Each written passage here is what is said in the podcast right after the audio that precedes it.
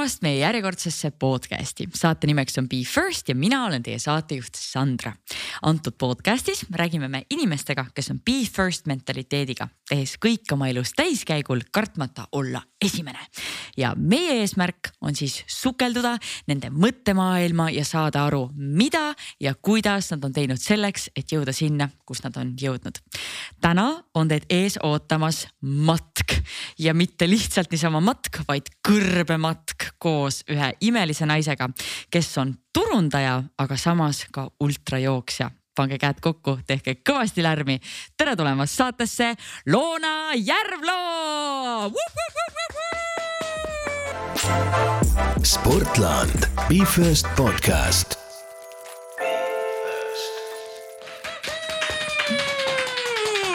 aitäh ja tere, Sandra. tere, Loona. kas kõrbes on ka selline aplaus, kui jooksmas käid? Äh, võib-olla peale kümmet tundi siis seal lõpufinišis saad sellise aplausi, aga üldiselt äh, väga palju hääli sa ei kuule seal. ainult hääled peas jah ja,? kas klapid võivad peas olla? Äh, klapid võivad peas olla, aga sul ei ole võimalus laadida kuskil oma elektroonilisi asju, et sa pigem hoiad seda akut tähtsad, tähtsamate asjade jaoks ja üldiselt äh, sa kogu aeg mõtled hoopis, sul on nii palju asju teha, mõelda, kas sa pead nüüd jooma, kas sa pead nüüd sööma, kuidas mitte üle kuumeneda, et see tegelikult, sul on päris palju tegemist, et sa võib-olla ei tahagi kuulata midagi. okei okay,, see on vau, no see on tõesti, see on, see on vau, ma olen sind äh, jälginud Instas päris pikka aega, meil on tegelikult väga palju ühiseid äh, sõpru, aga siin me täna kohtume esimest korda, aga selline tunne nagu ma teaksin sind nii hästi. et kui kuulajad praegu äh, mõtlevad, et mm, mm, millest nad räägivad, siis me kohe-kohe varsti hakkame sellest rääkima, et mis katsumuse Loona küll sel suvel endale ette võttis. aga enne seda saame sinuga natuke paremini tuttavaks ja meil on esimeste või Be First'i saates alati esimene segment on esimeste mäng, ehk siis mina alustan lauset, sina lõpetad selle ja me räägime sinu esimestest. teeme nii. nii, esimene aasta välismaal esimene aasta välismaal oli kaks tuhat kuus, kui ma läksin sinna Šveitsi õppima boarding school'i. ma vaatasin selle sõna veel eestikeelse versiooni, et see on internaatkool, mis kõlab mulle nagu väga hirmutavalt aga tegelikult see oli lihtsalt äh, rahvusvaheline kool, kus äh, lapsed tulevad igalt poolt ma üle maailma kohale ja mm, see programm, mida ma seal tegin, oli IB ehk siis International Baccalaureate. et millest võib-olla erineb natuke tavalisest keskkoolist, et sul on võimalus valida teatud spetsiifilisemad aineid, näiteks mina õppisin majandust, et see on juba sul seal kümnes, üheteistkümnes, kaheteistkümnes klass. ja sealt ma jah, see oligi see esimene aasta ja tegelikult mul tuleb meelde üks naljakas äh, lugu, esimene päev seal internaatkoolis. Äh, ma vaatasin, et kus siis minu tuba on ja kes minu toakaaslane on ja seal oli kirjas Miga ja siis ma ehmatasin ära ma pean olema Soome poisiga ühes toas elama ja siis ma olin küll šokis, aga tegelikult selgus, et mul oli hoopis jaapanlanna tüdruk, toakaaslane, kelle nimi oli Miga Yasunari, nii et tegelikult kõik läks siiski hästi. kuule, aga miks sa üldse otsustasid minna keskkooli, see on ju väga suur samm. ja ähm, mina seda lugu ei mäleta, aga minu vanaema rääkis mulle, ma elasin äh, väiksena Põlvas maal ja. ja äh, mina seda lugu ei mäleta, aga mu vanaema rääkis mulle, et kui ma olin juba väike, et mulle meeldis väga käia, ma olin selline seiklushuviline ja mulle meeldis käia metsas matkamas. vanaema küll ei lubanud, et kuidas sa lased nagu äh, lapse üksinda matkama, aga ma siiski läksin ja vanaema oli vist nagu salaja hiilinud seal taga ikkagi, et ta ei saanud lasta mind sinna metsa üksinda. ja ühesõnaga siis vanaema ikka leidis mu sealt metsast ülesse ja mina oma seljakott äh, seljas ja oma juustuvõileivad seal seljakotis olin öelnud vanaemale, et, et mina lähen küll kunagi äh, ma, ümber maailma reisile või maailma avastama.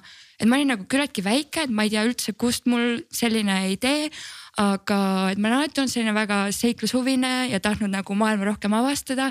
et ma arvan, et kuidagi sealt on see tulnud väga hull, oota, aga kus sa keskkoolis käisid äh,? ma läksingi kümnendast äh, klassist äh, põhikoolis äh,. põhikoolis, äh, ma olin äh, Tartus Audenteses ja tegelikult võib-olla, kust see tuli ka, et miks ma läksin, et ma ei olnud väga õnnelik Eesti koolis, ma tundsin, et ma kuidagi ei sulandu sisse, oli palju koolikiusamist, et äh, ja siis ma käisin väga palju seal sellistel keelelaagritel, suusalaagritel välismaal juba kuskil üheteistkümne eluaastast saadik. ja siis ma nägin kuidagi seda, et seal oli nagu väga palju väga erinevaid inimesi ja siis oligi et sa ei pidanudki olema ühtemoodi, vaid kõik olidki väga erinevad ja mulle tundus, et ma tundsin ennast seal palju mugavamana ja ma arvan, et see on kindlasti suur põhjus, miks ma otsustasin mujale minna mm. -hmm. aga ma saan aru, et sul oli ikkagi selline pere, selline keskkond, kes või, sai võimaldada seda, et sa saad minna. et äh, noh, mina ise käisin peale kümnendat klassi, äh, sain stipendiumi, käisin Ing Inglismaal õppimas ja ma mäletan küll, et see oli mingi, see oli mingi ulmeline sunnum, ma olen Rõugast pärit, vaata kuskilt Rõugast lähed kuhugi, ma ei tea, välismaale. et noh, keelelaagrid ja see on muidugi hoopis teine, teine asi, et, et et kui palju sa selle peale oled, oled mõelnud, et mõtle, kui sa oleks jäänud siia Eestisse kinni nagu nii mõttes kinni, mis siis oleks saanud? ma ei tea, kindlasti ma oleks väga erinev inimene olnud, aga no alati kindlasti, kui sa kasvad ja sa leiad kindlasti oma selle kuidas sa saad siia sisse sulanduda ja mis sulle sobib, et ma arvan, et midagi ei oleks ka, ka valesti läinud, aga sel hetkel oli see mul õige otsus väga äge. Ja tegelikult, kui meid kuulavad noored, siis mina ütlen küll, et uh, come on, kui vähegi võimalik, minge käige välismaal õppimas, see on nii elumuutev kogemus lihtsalt, et see paneb sind hoopis teist, teistmoodi mõtlema ja üks asi on see, et nägema maailma teistmoodi.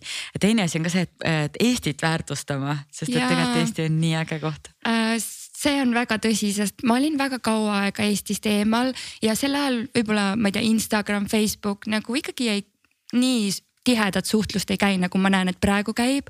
et ma olin küllaltki Eestist eraldatud ja siis tegelikult nüüd, kui ma, nüüd ma saan aru, et kui ma tulen siia, et äh, siin on nii ilus loodus, te saate igal pool liikuda, iga kell äh,. õhk, mida te hingate, on puhas, et Londonis, kui ma käin jooksmas, siis no ütleme niimoodi, et pärast, kui sa nina nuuskad, siis see ei ole nagu parim parim vaade, mis sealt tuleb, et see õhk on ikkagi nagu nii saastunud, et, et äh, Eestis on head söögid, tegelikult on hea haridus, et, et ja nagu sa ütlesid, et, äh, et tegelikult Eestit väärtustan, väärtustan väga ja olen uhke, et olen just siit äh, pärit. Väga äge, no Londoni elust me saame pärast kindlasti rääkida, aga kui sa juba jooksmise ette võtsid, siis järgmine esimeste mängu küsimus on, mis oli su esimene jooksutrenn? ma arvan, et äh, ma hakkasin oma esimeseks maratoniks treenima kaks tuhat kaheksateist.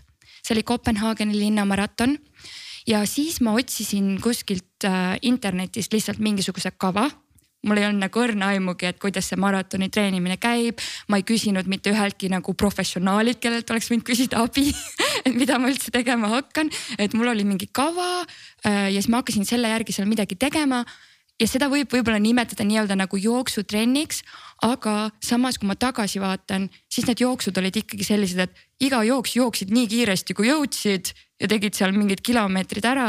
et tegelikult see ei olnud ikkagi selline eesmärgipõhiline treening, et kui sa lähed treenima, et kas sa lähed täna aeglast jooksu jooksma ja teedki nagu seda ainult vastupidavust üritad äh, äh, suurendada või sa lähed äh,, teed äh, mäesprinte et saada jõudu juurde, et seal kavas ilmselt olid mingid sellised asjad, aga minu arust ma ikkagi jooksin nagu, et nii kiiresti ja nii palju kui võimalik, et ma arvan, see on väga paljude algajate jooksjate selline äh, nii-öelda viga. Aga kas sul ei tekkinud sellist tunnet, et, et vaata, kui sa jooksid nii kiiresti, nii palju, et, et selline nagu megaväsimus tuleb peale ja siis tekib sihuke, see ongi nii raske, et ma ei tahagi seda ei olnud, ma, kui ma võtan mingi asja ikkagi ette, siis ma olen üli, kui ma olen mingi eesmärgi seadnud, siis ma olen ülimotiveeritud, et see läbi viia. Äh, et võib-olla ma võtan ka mõnes mõttes realistliku eesmärgi, et ma ikkagi planeerin, et kui palju, et mis seisus ma olen täna ja kui palju mul on, mul on aega vaja, et selleni jõuda.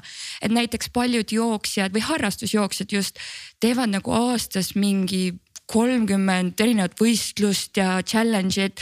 et mina seda pigem ei tee, et ma võtan endale võib-olla päris palju aega ja ma tahan olla kindel, et see eesmärk, äh, mille ma teen või see võistlus, milles ma osalen, et ma teen selle nii hästi, kui minu võimuses on võimalik. issand, kui äge on sind kuulata. aga mis hetkest sa hakkasid äh, teadlikumalt äh, treenima? Äh, ma arvan, et äh, see juhtus siis, kui olid juba järgmine maraton ja eriti sellised ultramaratonid. Äh, ma võtsin ka ühendust mõne Eesti treeneriga, keda Sandra, sina mulle soovitasid, kui ma nüüd mõtlen, et Markus Pirksaarga töötasin mingi aeg, et aru saada natuke nagu, et mis eesmärk võiks igal jooksul olla.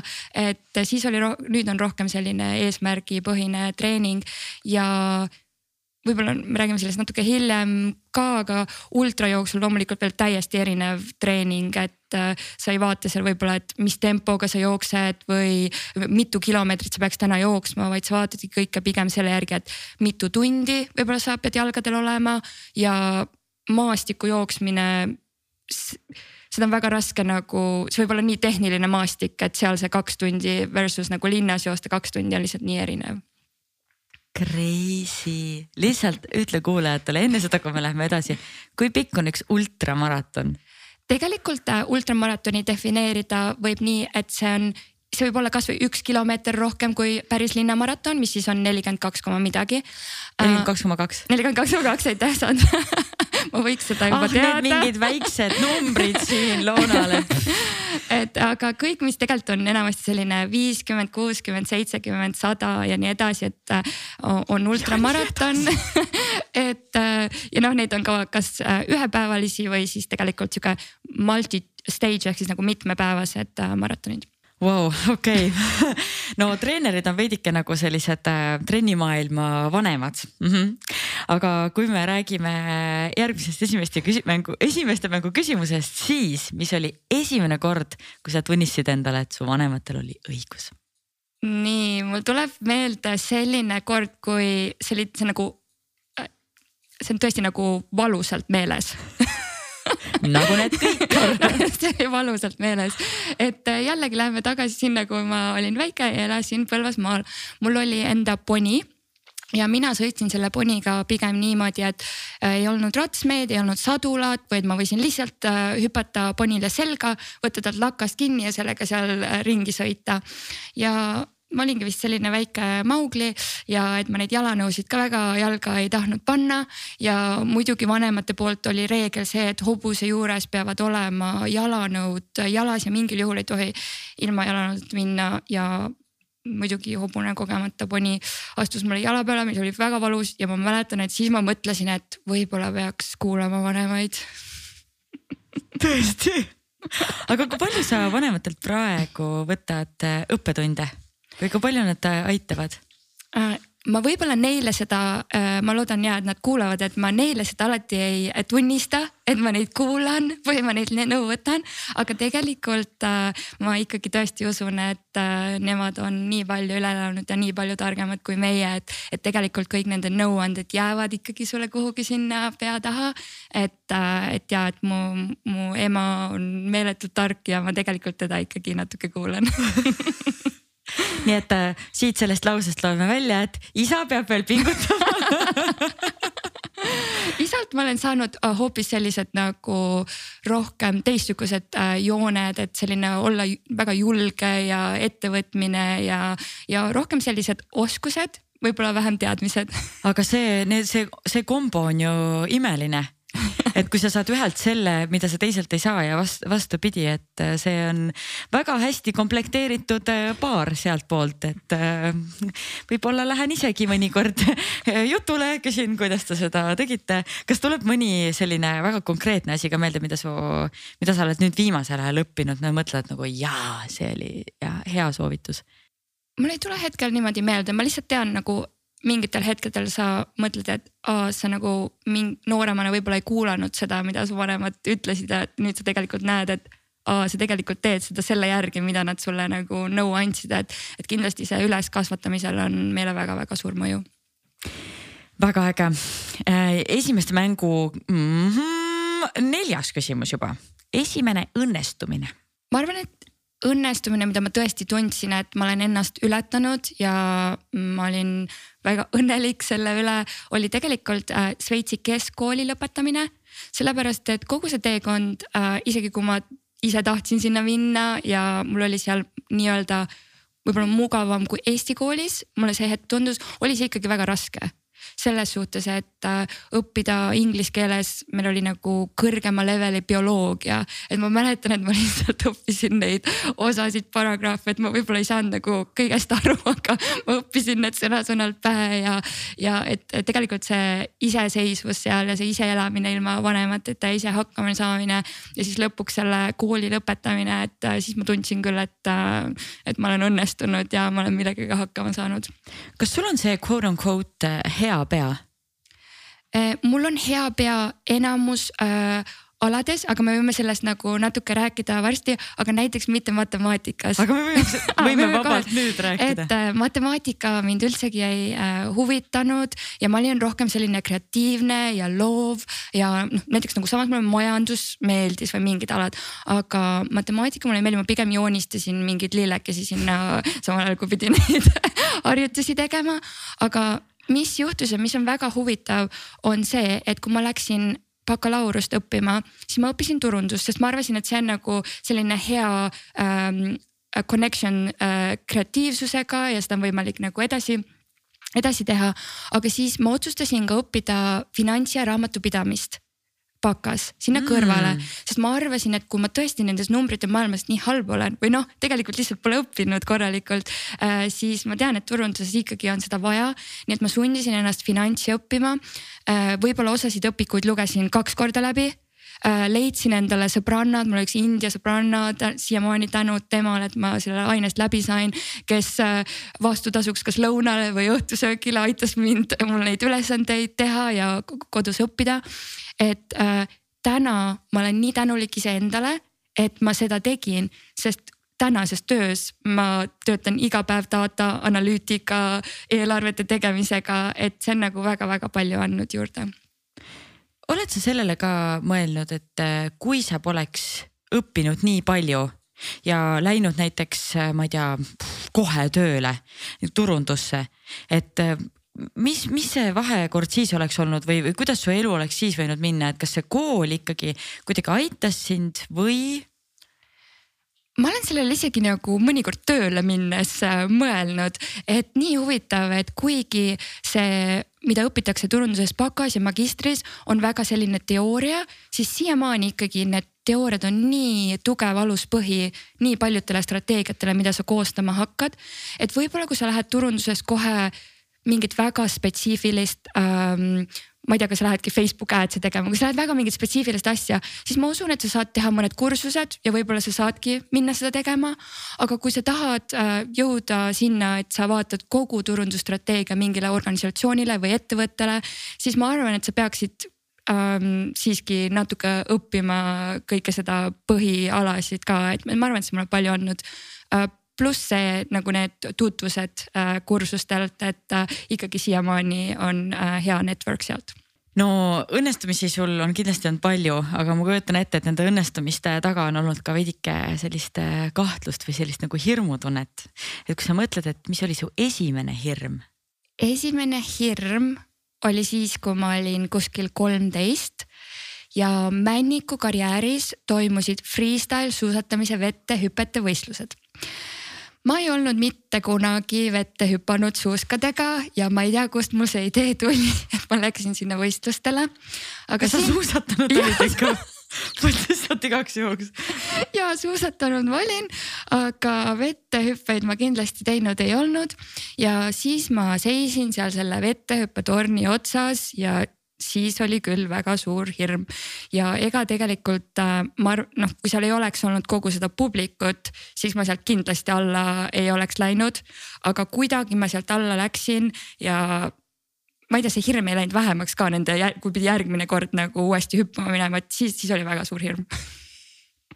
Oot, ma lihtsalt nagu kuulan praegu sulle, et ehk siis sa lihtsalt otsustasid ühel päeval, et ma olen suuskadega sõitnud ja ma lähen nüüd äh, trikivõistlustele, hüppevõistlustele Loona, kuidas, mis, mis, mis asja? ja ma, ma siiamaani mõtlen äh, nendele asjadele tagasi, et äh, kindlasti võib-olla ma arvan, nüüd oled ikkagi elukogenum ja targem ja selliseid otsuseid äh, enam ei teeks aga kuidas sul läks? Äh, ma arvan hästi, sel ajal Eestis ei olnud väga tüdrukuid, kes seal ähm, võistlesid, et võib-olla ma sain mingisuguse sellise lohutus lohutusauhinna täitsa lõpp, aga kas on sul veel asju elus, mida sa oled, mida sa oled teinud, mõelda, et ah, ma juba enam-vähem oskan, ma lähen, I m gonna go all in eks seda juhtub palju, ma arvan, eriti meil isegi tööalaselt, et mõnikord sa tunned, et sa võib-olla ei tea kõike, aga sa pead äh, minema kuidagi enesekindluse ja nii paljudest teadmistega, kui sul, kui sul on ähm,. aga nagu oma hirmudele muidu vastu minemist on mul küll väga palju, et mul on näiteks ma kardan väga kõrgust ja mulle tundub, et see läheb iga aastaga ainult hullemaks. Ähm, et siis me olemegi teinud, äh, ma ei tea, langevarju äh, langevarjuhüppe, et proovida, et kuidas saada nagu oma sellest hirmust mööda. või nüüd hiljuti ma käisin Šveitsis matkamas ja mu Eesti sõbranna viis mind matkale, kus oli rippsild, mis oli mingi võib-olla nelisada või viissada meetrit äh, pikk ja väga-väga kõrgel. et ähm, et nagu proovida panna ennast sellistesse olukordadesse, kus sa lähed sellele hirmule vastu, et ega sa sellest muidu nagu üle ei saa ja kui sa hakkad neid vältima, siis need lähevad aina hullemaks tegelikult. aga mis su sisekõne on nendel hetkedel, kui sa pead astuma selle silla peale, sa tead, et sa hakkad kartma, kuidas sa räägid endaga? No vaatad oma, su eesmärk on siis ainuke eesmärk on see, et sa jõuad sealt äh, sillast üle. oota, aga teisele poole tagasi peab koju minema ah,? seda ma küsisin kohe esimese küsimuse sõbrannalt, et kas see äh, matkarada on ring või on edasi-tagasi Õnneks oli ring aga sa pead endale seadma selle eesmärgi, et, et äh, samal ajal kui minu eesmärk oli lihtsalt jõuda nagu niimoodi, et äh, ma ei kukuks kokku seal sillal sellest hirmust sinna teise punkti. et samal ajal minu sõbranna loomulikult äh, tegi äh, pilte, filmis jalgade vahelt, igalt poolt, et, mina mingeid muid tegevusi seal tegema ei hakka, et minu, mina ainult lähen oma eesmärgi nimel. Okei okay,, see on, see on päris crazy, aga sa ühesõnaga sa lihtsalt lähed peale? Sa lähed peale ja, aga ega seal ongi selle nagu ma olen lugenud ka natuke selle kõrguse kartuse peale, et tegelikult, et kui sa ajadki ennast nagu vaimselt juba nii nagu stressi, ega su keha siis reageerib sellele kohe ja tegelikult sul hakkavadki jalad värisema ja sa tunnedki, et sa ei tunne, tunneta oma või kontrolli oma keha, et see ongi päris selline scary. aga ma arvan, et sa pead olema väga teadlik, et sul selline asi on, kuidas sa võiksid sellises olukorras äh, tegutseda Mm, aga kindlasti ei tohi hakata neid asju vältima mm. -hmm aga ma saan aru, et sa oled lugenud ja õppinud äh, palju selle kohta, miks ma lihtsalt nagu küsin ja uurin, mul ei ole nagu otseselt selliseid, äh, selliseid suuri hirme endal. ja kui ma peaks midagi mainima, siis ma arvan, et kõrgus võikski olla see, et ma ütlen, et ma ei karda seda, aga ma pole väga fänn mm, -hmm, et ma mhm. pigem, pigem nagu väldin. ja mulle kohati tundub, et mõned inimesed on, kellel on nagu tõesti väga-väga suur hirm, et, et kas see ei tekita nagu traumat, et kui sa nagu sunnid ennast, siis sa oled seal keskel ja sul tekib mingi paanika, paanikahoog, et kas, kas kuidagi peaks ennast veel enne ka ette valmistama selleks, et. ja et... kindlasti kogu oma mõtlemisega ennast ette valmistada, et see saabki raske olema, et see ei saagi olema mul kerge, et ma lihtsalt siit kõnnin nagu mm -hmm. üle mhm. silla või mis iganes see katsumus on. et mentaalselt ennast valmistama ja proovime hästi olema fokusseeritud oma sellele eesmärgi saavutamisel, et mitte midagi seal muud mõelda. aga loomulikult seda on lihtsam öelda, kui teha, et, et paanikahoog on muidugi veel eraldi täiesti teema, et seda mul ei ole õnneks, õnneks olnud uh, okei okay. jõudsime siis nüüd selliste teemade juurest esimeste mängu viimase küsimuse juurde. ma ei tea, kui lihtne või raske vastus see sul on, aga mis on esimene asi, mida sa hommikuti teed um,? Söön hommikust ja joon kohvi, et minu jaoks on ülioluline äh, hommikusöök. Ja see hommikusöök, ma, ma olen natuke mures enda ja oma elukaaslase pärast, et see hommikusöök on olnud nagu väga palju aastaid iga hommik sama. Et ma ei tea, kas see on. miks mures? ma ei tea, kas see on tervisele. No mis sa sööd? äh,? avokaado võileib munaga ja granoola puuviljadega, et see on iga hommikune hommikumenüü ei, aga miks mitte, see on nagu Steve Jobs ja suured äh, Silicon Valley CEO-d alati panevad ennast iga hommik ühtemoodi riidesse, söövad kogu aeg samu asju, et sa ei pea mõtlema selle peale, et või, või kulutama kuidagi oma aega ja energiat selle peale, et mida ma nüüd teen, mida ma selga panen, mida ma äh, söön. et äh, miks mitte? Ja mulle tundub, et su keha reageerib väga hästi et nagu sellele, sellele hommiku, hommikusöögile.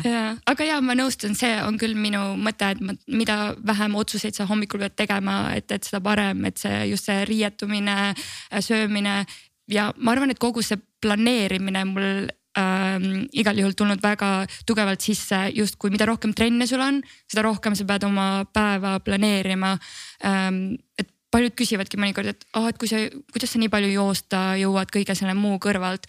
aga tegelikult äh, mida rohkem sul on asju, mis sul on vaja päevas teha, ma arvan, Sandra, sa tead mm -hmm. väga mhm. hästi, et, et seda rohkem peab olema kõik planeeritud ja lõpuks sa jõuadki rohkem teha mm. -hmm. aga kuidas sa planeerid? on sul mingisugune süsteem, kas sa võtad äh, nädalas korra, iga päev, kuus?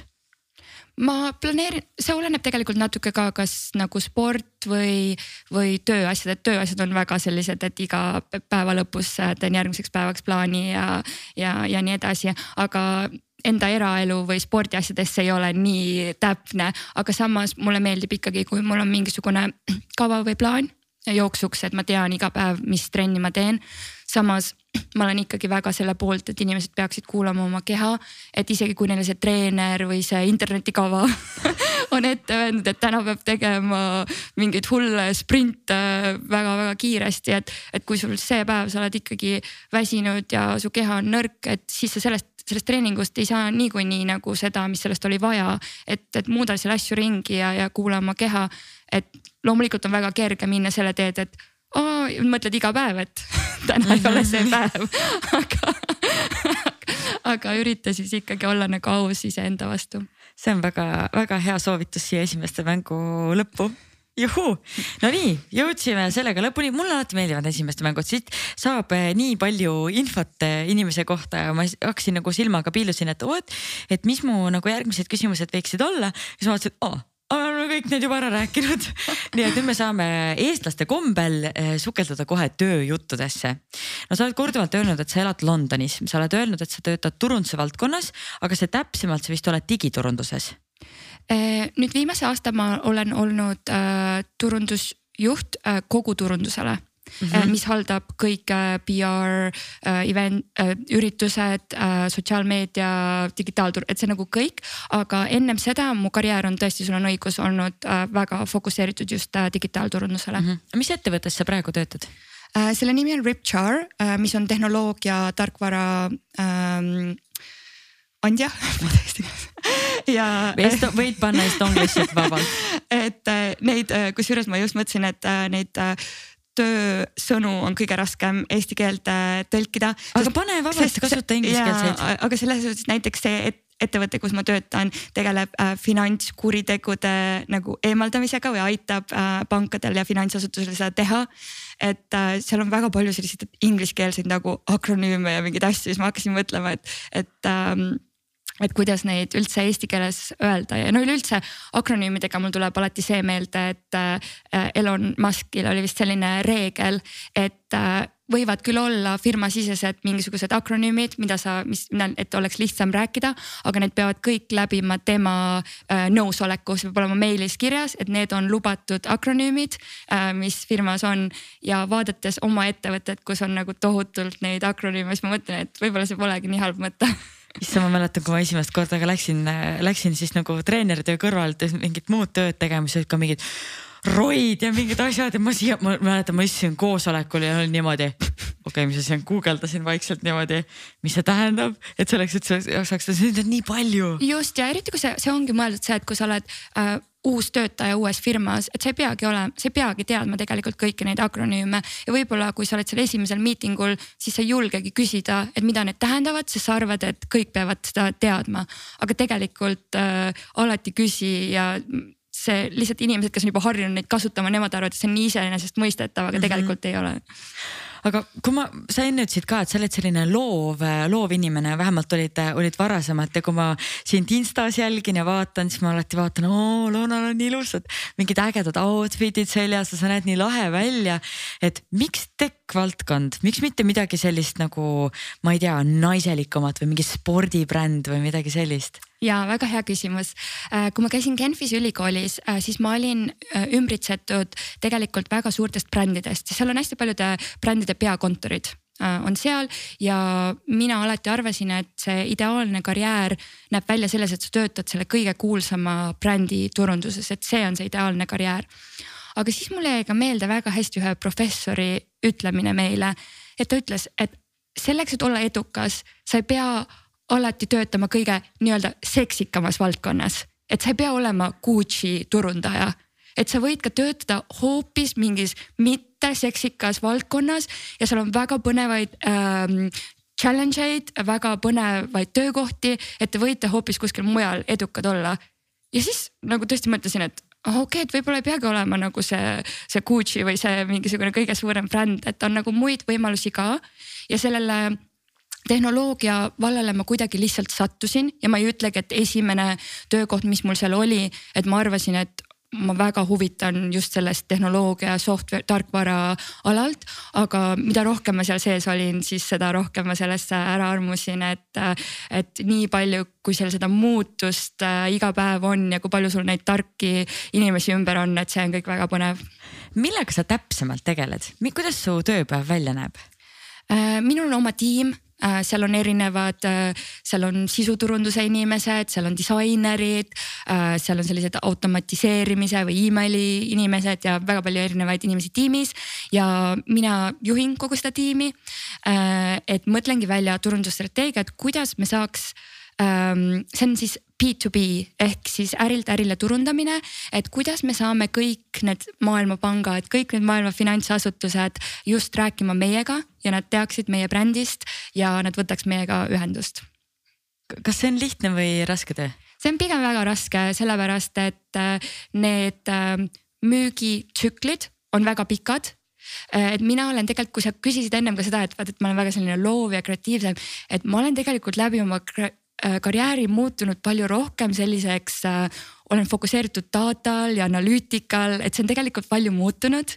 et ähm,, äh, et miks ma. mu arust see on kunst ei, see, see on kindlasti kunst, aga näiteks kui müügilt, müügitsüklid on päris pikad, siis on päris raske siis väga kiiresti seda datat saada, et mis toimib ja mis ei toimi, et minna edasi, et vaata, testid midagi, see toimis, see ei toiminud, et võtab nagu natuke kauem aega, et saada nendest tulemustest aru ähm,. aga, aga kindlasti pole, pole võimatu, et tänapäeval seda datat ja analüütikat on meile aina rohkem ja rohkem kättesaadaval mm. -hmm.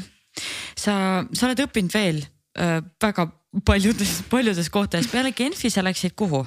Äh, Londonisse. Lond- ja siis sa jäidki Londonisse? siis ma jäin Londonis, ma tegin seal magistri ja siis tegelikult juhtus huvitav lugu, et äh, ma hakkasin tööd otsima peale magistrit, tõesti huvitav lugu ja siis Siis, Tell me more. ja äh, ma arvan, et ma saatsin kuskil üle viiekümnendas, viiekümnendasse erinevasse äh, firmasse oma CV.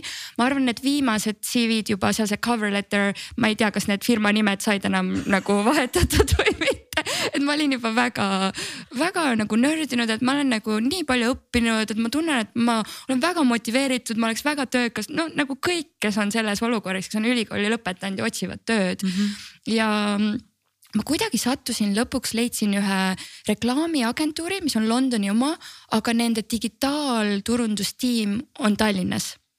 ja siis ma tulin peale Londonit kuueks kuuks Tallinnasse ja töötasin seal agentuuris ja sealt ma sain tegelikult endale väga head sellised äh, natuke tehnilisemad nagu seo ja ähm, äh, paid äh,, paid advertising'u oskused äh, et mida ma mida vähemalt sel ajal ülikoolis selliseid oskusi väga ei õpetata, et nendest räägitakse natuke nagu üldisemalt, aga tegelikult seda praktilist osa ikkagi ei õpi. et sealt ma sain sellise väga hea tehnilise poole ja tegelikult olingi kuus kuud äh, Eestis siis ka. nagu praktikal siis põhimõtteliselt ja. ja siis pärast seda sa leidsid endale ikkagi Londonisse töö ja, ja kolisid sinna tagasi. ja just ja sealt sa olid, äh, olid ikkagi oma, oma hea paar, paar aastat äh, tegutsesid seal. et miks ma tegelikult nagu küsin seda, on see, et äh, mulle tundub, et ka paljud noored tahaksid, see, see tundub selline seksikas asi, et ma tahaks minna kuhugi suurlinna eh,. tahaksin seal elu proovida, aga kuidas sa alustad, millest sa alustad? mis, mis sinu see valem või kuidas, kuidas sinu blueprint oli, välja nägi? See oligi väga raske, nagu ma ütlesin, et viiskümmend seda erinevat äh, äh, kandideerimist, et sa lihtsalt ei tohi alla anda kindlasti. Ähm, aga samas võib-olla, kuidas Londoni see töölevõtmisprotsess on, et see on väga palju läbi värbajate, et seda ma ei teadnud näiteks, kui ma olin ülikooli lõpetanud. et sa pead äh, võib-olla üles otsima need värbajad ja nendele rääkima, mis on sinu oskused, mis on äh, sinu tugevusküljed, mida sa otsid ja siis äh, väga paljud on nõus sind äh, nagu aitama ja niimoodi sa jõuad arvatavasti palju rohkem sinna intervjuu äh, staatumisse mm -hmm. kui see, et su CV lihtsalt läbi skännitakse mingite teatud otsingusõnadega mm. -hmm. aga mis sa arvad, kas sinu puhul see oli mingi oskus, teadmised või oli see kuidagi mingi sinu iseloomuomadus, mis aitas, aitas sul selle, selle lõpuks seal Londonis töökoha saada? ma arvan, et see on äh, kõik ikkagi kinni selles, et sa ei anna alla, et sul on väga lihtne olla ikkagi lõpuks, kui sa oled nii palju kandideerinud, et no aitab nüüd, et ma olen ju proovinud kõiki asju, et ei tohi alla anda ja peab edasi vaatama ja teine asi, mis kindlasti on väga oluline, on, on see, et sa ei saa mõelda, et su esimene või võib-olla isegi teine või isegi kolmas töökoht on su see unistuste töökoht et see lähebki tagasi sinna see jutt, mis me rääkisime, et, et kas töötada selle nagu väga tuntud brändi jaoks või töötada kuskil mujal. et äh, sa pead lihtsalt mõtlema, et võib-olla see töökoht on mulle aste järgmiseks töökohaks või nagu üks äh, aste lähemale selleni, kuhu ma, ma jõuda tahan. et mina nägin küll väga palju oma ülikooli kaaslasi, kes ainult üritasid saada sinna oma, ma ei tea, Google'isse või nagu neil olid mingid unistuste töökohad, kuhu nad tahtsid. ja nad arvasid, et nende esimene töökoht peab see olema, et ei pea, et võid teha natuke kogemust äh, saada ka muudes firmades. aga mis, mis sa arvad, kas, kas mingi hetk peaks nagu aru saama, et kui sa saad kogu aeg ei, ei, ei, ei, ei. et mis hetk on see, kus sa peaks endale nagu otsa vaatama, ütlema, et kuule, aga võib-olla see ei õnnestugi, äkki peaks midagi muutma. ma ei tea, no ma ei tea, mis, mis iganes see muutus on, et, et kuidas sa selle, sellega suhestud? ma arvan, et see oleneb inimest ja mida ta soovib äh, saavutada, et äh, ma tunnen näiteks, et minul arvatavasti ei ole sellist ettevõtja ähm, hinge nii-öelda, kes võib-olla saabki väga palju neid ei-sid nagu väga palju ja ta on ikka nii, et ei, ma proovin edasi, ma proovin edasi, sest ta usub oma ideesse. ja isegi kui talle kõik inimesed ütlevadki ei, siis tema tunneb, et see on õige asi ja niimoodi tekibki väga palju innovatsioone ja väga huvitavaid äh, lahendusi. et ma arvan, et minus seda päris ei ole, et ma läheks lõpp, selle lõpmatu ei-ni. et, äh, et kui ma ikkagi saan nagu paar ei-d mingis kohas, siis võib-olla ma mõtlen, et mis see alternatiiv oleks või kuidas mm -hmm. natuke teistmoodi teha kas sul on mingi, ma ei tea, slogan või mingi moto, mis on sind kandnud sellest ühest ametist teise just nagu töö, tööalaselt äh, rääkides? Äh, tuleb olla julge, et igasse töökohta, kus ma läksin, siis ma astusin kindlasti palju suurematesse kingadesse, kui kui jalg tegelikult oli. et äh, eriti just see viimane töökoht, kust ma läksin tegelikult, ma olin ennem seda väga digitaalturundus, äh, turundusele spetsialiseerunud ja ma hüppasin siis sellisesse rolli, kus ma juhin kogu turundust. Aga miks see oli tegelikult üldse võimalik, kui ma nüüd sellele tagasi mõtlen, siis kui ma töötasin seal digitaalturundusalal ma ise proovisin kogu aeg teistest äh, valdkondadesse ka ennast kaasata mm. -hmm. et näiteks kui oli mingi sisuturunduse asi või olid mingid üritused, et ma pakkusin oma abi aga samal ajal tegelikult ise õppisin hästi paljudest erinevatest valdkondadest. et ma arvan, et seda sa saad teha hästi palju, kui sa töötadki just nagu startup'is või growth up company's äh, võrreldes sellega, kui sa oled mingi suure brändi oma, kus sul on arvatavasti väga spetsiifiline roll ja sa ei tohigi tegelikult võib-olla nagu muid asju teha. et kui sa töötad startup'is, sa saadki ise vaadata ja katsetada, et aa, äkki mulle meeldib see asi rohkem, äkki see ja sa saad hästi palju kogemusi. et kui sa tahad lõpuks olla siis hoopis nagu millegi kogu osakonna juht või midagi muud, et, et siis sul on tegelikult vaja väga seda laia ülevaadet kõigest. kas see, et sa niimoodi tegid, oli su isiklik soov ja huvi õppida või seal oli see, et ma tahan jääda ka nagu mingi senior'itile kuidagi silma? See oli pigem see, et ma tahtsin ise õppida, et seal sel hetkel näiteks, kui ma seda tegin, siis ei olnud võimalik väga palju seal organisatsioonis kuhugi kõrgele, kõrgele ronida, et ma pigem tahtsin äh, ise õppida ja teada saada, et kuidas kõik erinevad turundusasjad koos ka töötavad, et sa ei oleks oma selles ühes boksis. kas sa oled teinud ka mingisuguseid väga suuri apsakaid oma karjääris äh,? tegelikult see ei ole väga suur nüüd, kui ma vaatan seda, siis see ei ole väga suur apsakas, aga sel hetkel see tundus mulle väga suur apsakas ähm, see oligi mu esimene töökoht, kus ma töötasin agentuuris ja meil olid tegelikult ähm, äh, Londoni kliendid, kellel olid väga suured eelarved iga kuu. ja mina arvasin, ma olen sihuke konservatiivne, et mina arvasin, et äh, see on okei okay,, kui ma kümme protsenti äh, vähem seda eelarvet ähm, kulutan ja sellest oli väga suur probleem selle kliendiga. et sa vähem kulutasid? et ma vähem kulutasin, ma kulutasin kümme protsenti vähem ja see oli, see oli väga, see oli, see oli ikka väga umbes noh, et noh, klienti ei kaotanud, aga see oli väga suur probleem ja ma kunagi ei arvanud, et see võiks olla ma oleks ka mõelnud selle peale, et aga, aga ma hoidsin kokku ju. ja just, aga tegelikult on see, et äh, paljude ettevõtete jaoks on see, et mida rohkem äh, raha nad äh, turundusse panevad, seda rohkem tuleb ka sealt tagasi. et selle võrra võib-olla nende üldised äritulemused võivad äh, minna alla, mis on muidugi hea, mis näitab, et turunduse asjad toimivad. aga et see oli mulle, mul oligi vist võib-olla mingi kolmas kuu esimene töökoht, et see oli väga, väga hirmus. kuule, ma tahan korra tagasi tulla nende suurte kingade juurde. Mina kardaks, ma ütlen ausalt, et mul on kuidagi, kuidagi pikka aega. ei, tegelikult ma valetan Äh, kui ma olin noorem, siis mul ei olnud mitte mingisugust probleemi lihtsalt nagu hüpata sisse mingisugust, ei oska, aga õpime käigus. ja, ja nüüd praegusel ajal on niimoodi, et ma mõtlen, et kui ma peaks näiteks minema, keegi pakuks mulle mingi suurt turundusjuhi kohta on ju. ma hakkaks ikka mõtlema, kas ma ikkagi olen piisavalt hea, äkki ma ei tea peas piisavalt ja siis nagu ütled, ütled ära, et kust sa võtad selle julguse, et lihtsalt teha ma olin täpselt, mõtlesin täpselt nii, nagu sa just äh, kirjeldasid seda Äh, ma isegi alguses, kui selle, see tööpakkumine mulle tuli, siis ma arvasin, et ma isegi ei tee seda intervjuud, sest ma ei ole piisavalt hea selleks positsiooniks. ja tegelikult ma sain tuge palju äh,, tervitused äh, Liisa Ennuste, Liina äh, oma äh, sõpradelt, kes äh, ütlesid mulle, et muidu, mis sul kaotada on, vähemalt äh, läbi see intervjuude protsess, vaata, et kuhu see kõik jõuab. ja siis ma olin nagu okei okay,, et vähemalt ma teen selle ära aga mõtle nagu just see, et nagu sa just ütlesid, et, et mõnikord sul on, sa annad juba alla ennem kui sa oled jõudnud sinna, kuna sa arvad, et sa ei ole piisavalt hea selleks. et ma läksin ikkagi selle kogu teekonna läbi ja lõpuks oligi see töökoht minu ja noh, siis oli ka muidugi hirmus, et mis nüüd edasi hakkab saama, aga, aga ma arvan, et kui sa oled ise piisavalt nagu motiveeritud ja alati tahad õppida rohkem äh,, siis no kõik on võimalik, et, et olen hakkama saanud siiani üliäge. mis on sinu arvates ühe hea turundusjuhi väga olulised äh, omadused, mitte ainult iseloomuomadused, aga, aga üldse? Kindlasti esine, esimene asi, mis tuleb meelde, on kohanemisvõime.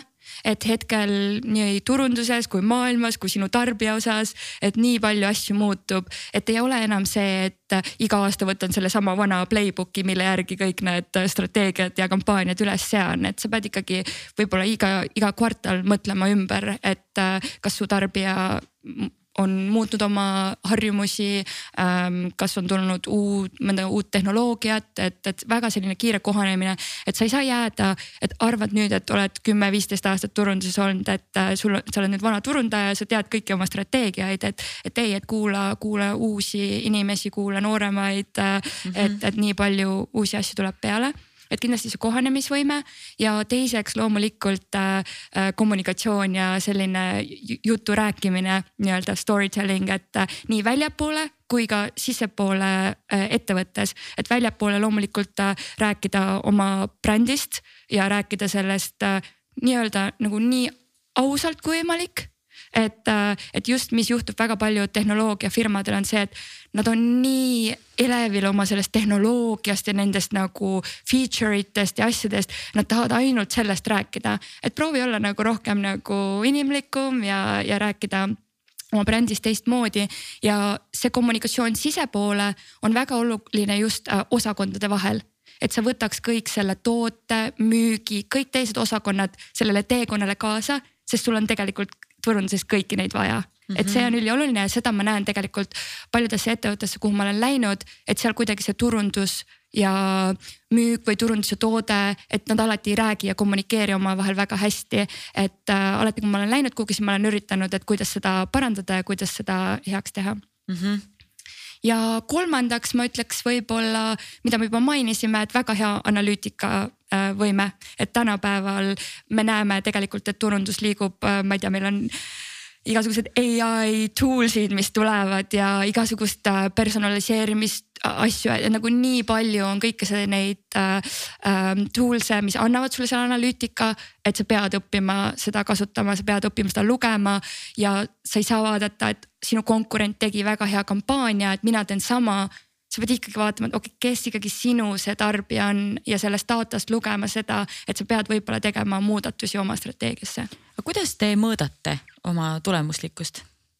Äh, meie mõõdame seda lõpus äh, tõesti müügis mm, -hmm. et äh, ärilt ärile turunduses sul ikkagi on väga selgelt näha, et milliste, kas turundus on ähm, toonud sisse müüki, et, et see on väga selline ähm, direct äh, sinna mm -hmm. seda näha ja erinevad analüütikameediad, meil on Salesforce ja erinevad mm -hmm. tools'id, kus seda vaadatakse ja noh, muidugi turunduses selline äh, vana tee-, mitte vana teema, vaid selline lõpmatu teema on see attribution, et näha siis, et kui palju ja kus sul ikkagi need kampaaniad on nagu mõjutanud. et äh, minu arust see on selline asi, mida sa oma organisatsioonis saad alati kogu aeg edasi arendada ja edasi proovida täpsemaks ja paremaks ajada.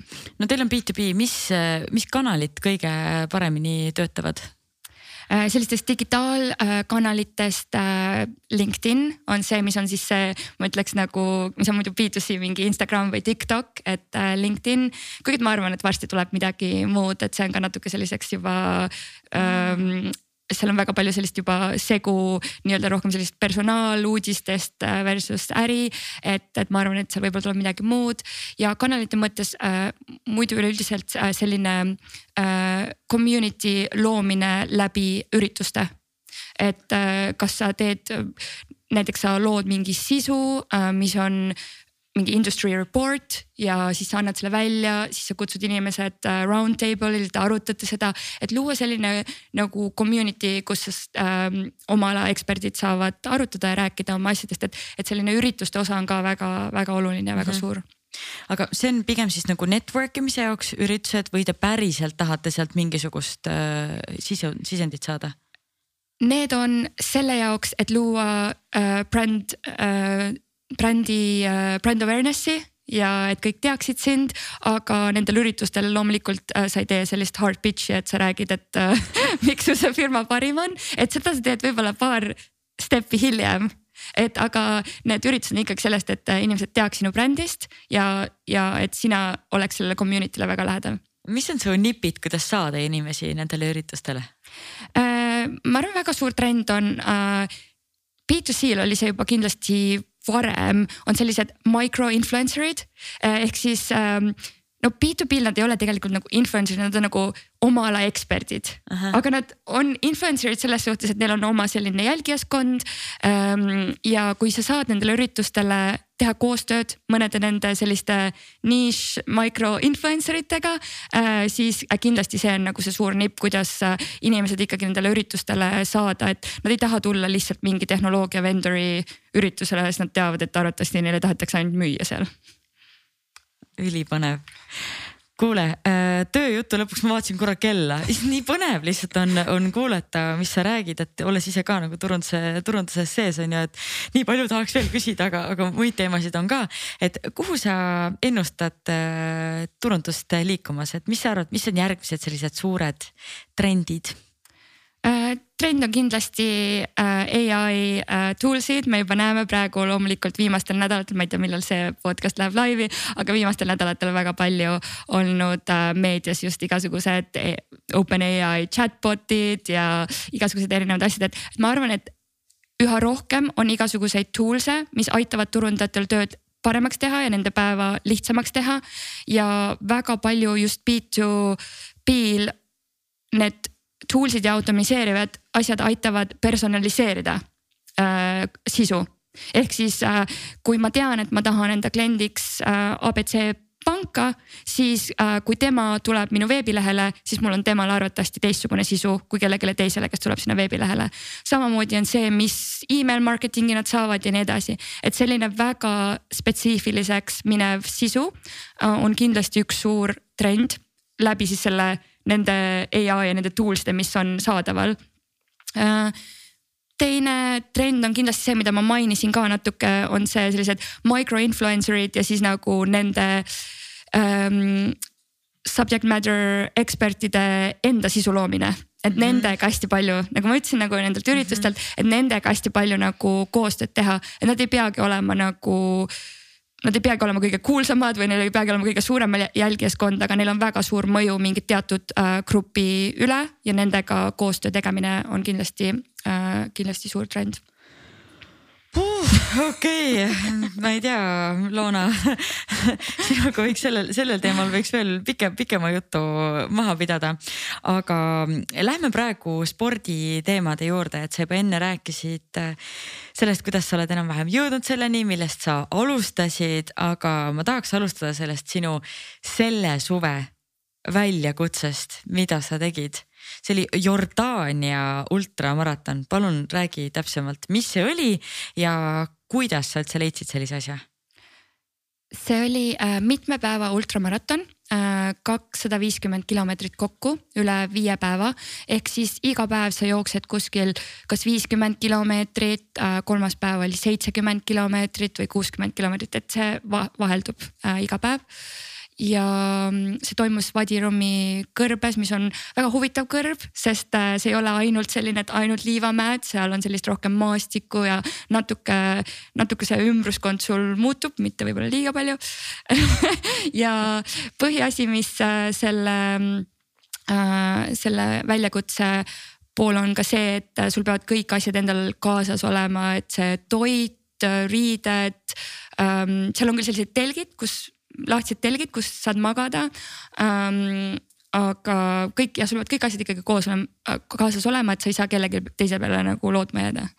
oota, hakkame algusest pihta, leidsid, guugeldasid uh, ultramarathons for uh,, ma ei tea uh,, best ultramarathons in the world või kuidas sa leidsid selle uh,? tegelikult uh, seda korraldab selline organisatsioon nagu Ultra X ja Inglismaal on teatud äh, ultramaratonid äh, nagu Eestis on Ironman väga kuulus, ma arvan, et äh, teatud sellised organisa-, organisaatorid on küllaltki tuntud, kui sa oled mingis alal, et eks ma nägin seda Ultra X-i ja seal on paar veel, et äh, nad ju ise kogu aeg reklaamivad ja promovad neid erinevaid ultrajookse.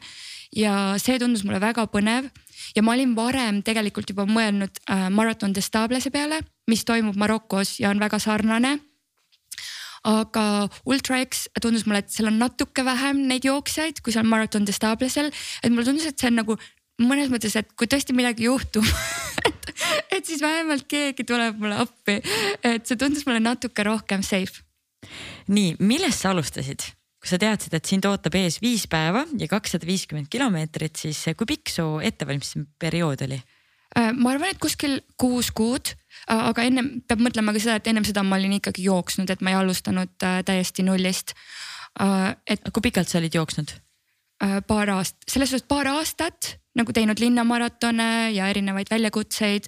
Ähm, ja siis sealt oli selline kuus kuud, mis oli väga spetsiifiline plaan selleks, et sellest valmistuda. ja kes sul selleks valmistuda aitas? Äh, see on üks äh, Inglise naine, kes on ise äh, ultrajooksja, professionaalne ultrajooksja ja.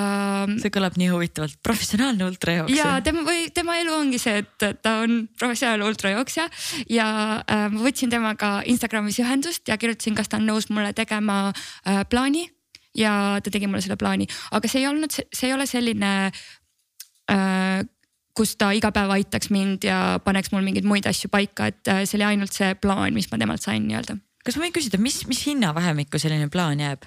Need ei ole üldse äh, kallid, et ma arvan, et need ultrajooksjad või treenerid või jooksjad, et, et ähm, see on nendel selline väike kõrval mm -hmm. ähm, ela- ähm, nagu väike sissetulek. Olgu, eh, ehk siis eh, panid plaani paika, hakkasid trenni tegema, kuidas su treeninggraafik välja nägi, kui palju tegid jooksu ja mis sa sinna kõrvale tegid? nädalas oli alati üks eh, puhkepäev ja nädalas oli mitu väga pikka jooksu. kui ma räägin väga pikku jooksu, siis see võib näiteks näha välja nii, et kolmapäeval õhtul peale tööd jooksed kolm tundi ja siis pühapäeval jooksed viis tundi, et need on need nagu pikad jooksud viis tundi jooksed? pühapäeval et äh, need on sellised pikemad, pikemad jooksud, et ega sa päeval midagi muud teha ei jõua. Patrik võttis ka lonksu selle peale. Patrik läheb viis tundi pühapäeval jooksma. Patrik tegi, noogutas niimoodi, et nagu no freaking way. oota, ma pean selle küsimuse ära küsima, miks Loona? ma nägin osadelt, ma tegin ühe sellise väiksema ultrajooksu ennem seda ja isegi need linnamaratonid ikkagi õpetavad sulle nii palju et ma olen selline olnud, nagu ma ütlesin, vaata Eesti koolides oli kiusamine või selline õrna hingega ja võtan kõiki asju väga südamesse. et mulle tundus, et äh, need väljakutsed aitavad sul kasvatada seda ala kus sa võid nagu raskustes olla pikemalt ja sa saad, tead, et sa ei anna alla ja sa saad, et sellest on võimalik üle saada et iga selline nagu valu, nii füüsiline kui mentaalne, et sellest on võimalik tegelikult äh, üle saada ja mida rohkem sul elus igasuguseid äh, raskusi on, seda rohkem sa oskad tegelikult nendega ka toime tulla. Vau, okei nii, aga siis äh, te hakkasite trenni tegema, kas sa tegid jõutrenni ka? ja jõutrenn on äh, ülioluline, eriti ultrajooksudel, sest ultrajooksudel on tavaliselt äh, esiteks see maastik, kus sa jooksed, on ebatasaline ja teiseks sul on tavaliselt päris palju mägesid mm. -hmm. et äh, sul on kindlasti vaja vaja teha jõutrenni ja pluss veel see ka, et ongi, et kui sa jooksed viis, viis tundi, et see, su keha peab ikkagi tugev olema mm. -hmm. kui tihti sa seda tegid? Ja, ja millised kavad need välja nägid? ma tegin, ma pean tunnistama, et ma tegin seda võib-olla üks kord nädalas, aga siis ma kindlasti tegin.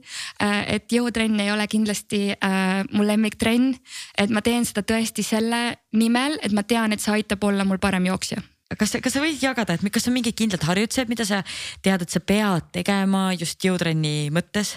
ja ma, ma olen ka pigem lihtsalt vaadanud äh, internetist, et mis on head harjutused jooksjatele, et kuidas oma jalgu, keha, aga tegelikult see ei ole nii, et sa treenid ainult oma jalgu, et tegelikult see on ikkagi üldkehalist, mis sul vaja on. mul on siiamaani meeles äh,, see oli vist Murakami raamat, et miks ma jooksen, ma võin selle nime praegu täiesti valesti öelda. aga seal ta rääkis näiteks seda, et tema jooksis vist saja kilomeetrist äh, võistlust, mis oli järjest sada kilomeetrit. ja ta ütles, et üks hetk, kui tal enam jalad ei kandnud, siis ta hakkas lihtsalt kätega rohkem liigutama ja siis need käed kuidagi aitasid tal keha edasi viia ja see on minu, see on kuidagi jäänud minuga siiamaani, et kui ma mõtlen, mingi hetk on nagu hästi raske, et siis paned nagu käed rohkem tööle või kasutad muud keha. et kui sa jõutrenni teed, siis sa ei saa nii, et sa teed oma ainult kükke, et sa pead ikka nagu kogu keha treenima. Äh, see Murakami raamat, Miks me jookseme, mina väga soovitan seda lugeda mitte ainult jooksjatele, aga üldse, üldse kõigile inimestele, et see on minu arust väga väga-väga äh, silmi avav äh, raamat ja mul on nii hea meel, et sa tõid selle välja, et jooksjatel on ka vaja teha lihastrenni ja kes ei tea, kust alustada, siis mina väga soovitan äh, NTC äpp, Nike Training Club äpp. seal on tegelikult olemas ka erinevad siis treeningkavad, mis ongi mõeldud jooksjatele, et erinevate pikkustega ja kui ei oska kuskilt pihta hakata, siis seda, seda väga soovitan. ja ma kasutan ka seda. noh, väga hea, loona garantii, jõuate ka äkki kunagi Jordaaniasse varustus, räägi natuke sellest. varustuse kokkupanek oli väga keeruline minu jaoks. Ehm, ma arvan, et mitu nädalat äh, oli mu kodu nagu see Amazoni mingi hoidla, et, et, äh, et ma lihtsalt, äh, seal on kit list, mis sul peab olema, sa ei võigi minna võistlusele, kui sul teatud asju pole. näiteks ma ei tea, vile või see keep, mis on, kui sa hakkad ära külmuma või kuskil oled või noh, seal on nagu nii palju asju, mis sul peavad olema. ja loomulikult, kuna sa tegelikult äh, kõiki selliseid asju ei ole varem kasutanud, siis äh, sa ei tea tegelikult, mis sulle sobib või mis on hea. et äh, mingeid asju tellisin, proovisin, saatsin tagasi. Ähm, ma ei tea, oluline mingi kõrbemüts, et sul kael ära ei põleks või et selle kõrbemütsi alune peab olema must, sellepärast et siis see kui päike peegeldub äh, liivale, siis see ei reflect'i nii hullult tagasi sulle näkku, et, et ma nagu õppisin väga palju nagu igasuguseid varustuse kohta ja. okei okay,, vau, aga kui sa selle võistluse, võistlusele ennast kirja panid, kas ma võin küsida, mis see maksab üldse sinna minek? nagu võistluse osalustasu ma pean seda üle vaatama, sellega oli jällegi see, et see Ultra X oli näiteks palju odavam kui Marathon ma, ähm,, Marathon des Stables, mis on väga kallis. et see oli tegelikult palju mõistlikum. Ja mis oli veel väga hea, mis mulle meeldis, et sa said teha kuumakse et sa ei pea maksma kogu seda summat Aa. Äh, kohe ära, vaid sa teedki kuumakse, mis on võib-olla sama palju kui su telefoniarve või noh, nagu midagi muud, et see on väga-väga mõistlik ja see on tegelikult, nad ongi selle nii teinud, et, et palju inimesi saaks äh, osaleda, et see ei oleks ainult äh, nendele, kes saavad selle summa kohe ära maksta mm. -hmm. palju neid võistlejaid oli seal kokku? Äh, seal oli kuskil sada kolmkümmend jooksjat. Äh, nad sellistele jooksudele ei võtagi väga palju inimesi, lihtsalt ohutuse mõttes on teatud, teatud summa inimesi. kas sa suhtlesid seal teiste võistlejatega ka, et miks, miks te, miks teised seal olid? ja see oligi nii huvitav, et seal oli inimestel olid nii huvitavaid lugusid, et miks nad seal on, et osadel olid ja, et nad on olnud mingid, ma ei tea, väga ülekaalus ja siis on nagu alustanud kogu teekonda jooksule ja siis on jõudnud sinna ähm,. et osad, kes jooksid nagu võib-olla charity jaoks, kellel on võib-olla peres kellega midagi juhtunud ja jooksevad selle nimel. et kõigil olid nagu väga erinevad lood ja seda oli väga-väga huvitav äh, kuulda. ja ma mäletan, et kui ma istusin seal peale mingit jooksu ja rääkisin nende teiste jooksjatega, siis ma mõtlesin, et see kõik siin on nagu nii eriline, et ma ei oska seda ilmselt pärast nagu teistele edasi anda või rääkida, et ma arvan, et sa pead tõesti kogu seda, see ei ole ainult see jooks, mis seal on, vaid kogu see community, need teised jooksjad, et sa pead seda nagu ise kogema.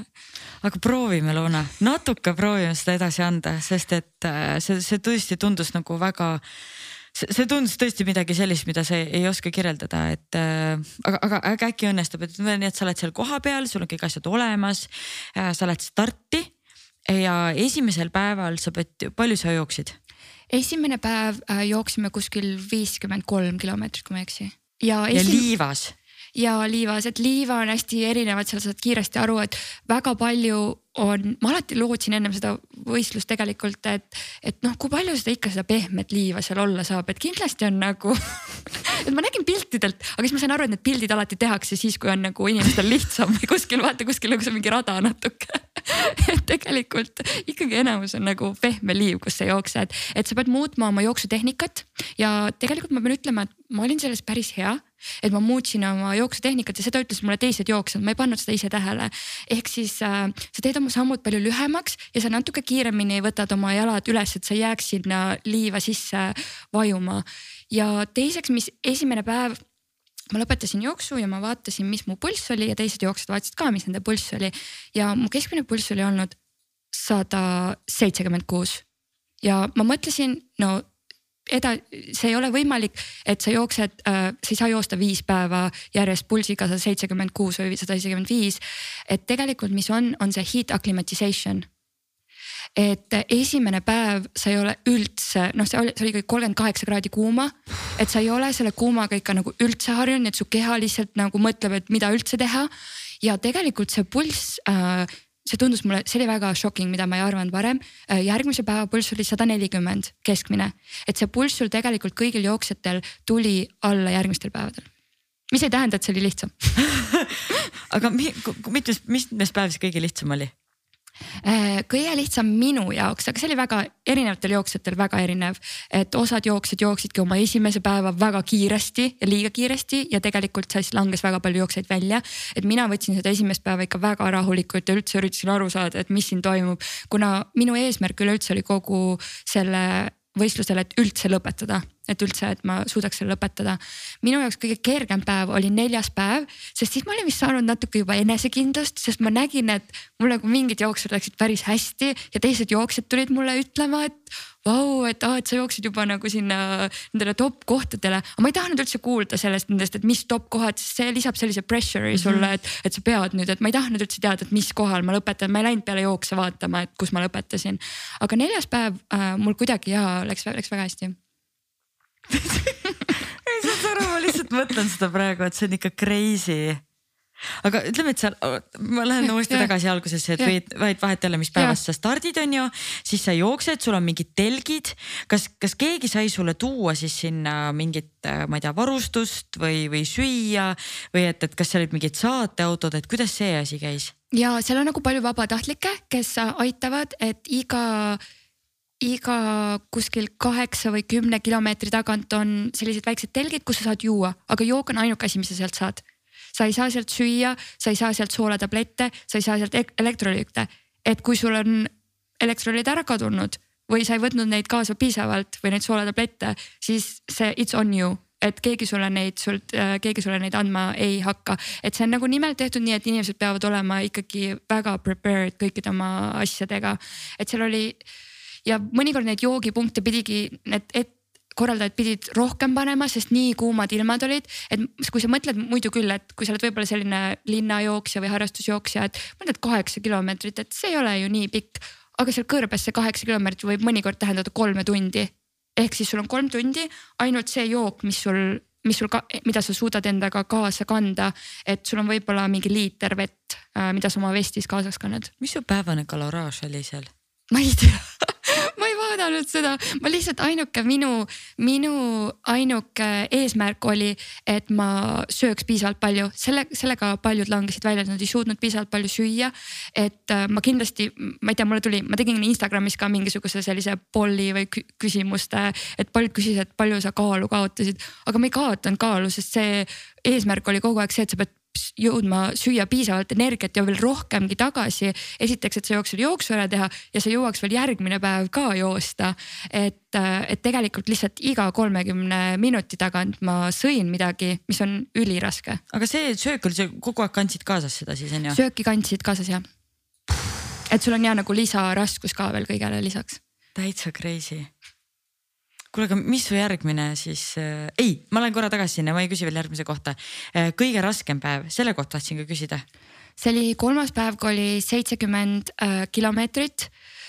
ja siis no muidu ka, kui need jooksud algasid, siis sa võib-olla ainult esimese tunni või kaks tundi nägid teisi jooksjaid, et tegelikult sa ei näinud väga palju jooksjaid, sest kõik läksid oma temposse.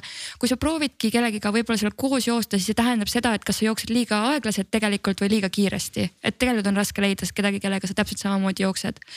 et see kolmas päev oligi väga-väga raske ja oligi kuskil kümme tundi järjest jooksin ja ma lihtsalt mäletan seda, et äh, ma olin arvestanud oma joogiga, et kus on viimane joogipunkt, et mis kilomeetril. ja lihtsalt vaatan selja taha, vaatan ette ja ongi nagu nendes filmides, kus juba mingi, ma ei tea, miraaž hakkab tulema, sa ei näe mitte midagi, mitte kuhugi, mitte ühtegi inimest, ei seda telki. ja siis ma hakkasin sattuma tegelikult äh, paanikasse ja ma nägin ainult ühte mingit meest ja ma arvasin, et see on võib-olla mingi kohalik peduiin kes seal seisab, sest ma ei, nagu ei näinud ka väga hästi.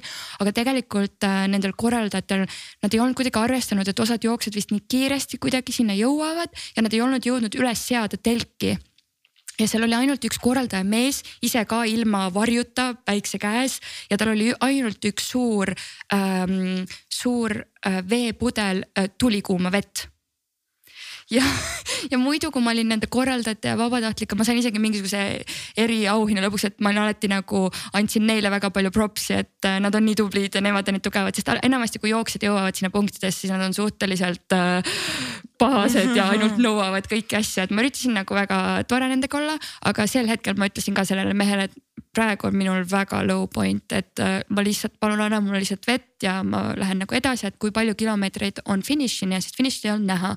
ja ta ütles, et finišini on nelisada meetrit, kui sa mõtled nagu inimesena praegu, et kui sa tead, et finišis on nelisada meetrit, siis see on ju ülilihtne, vaata seal ei, seal ei olegi midagi.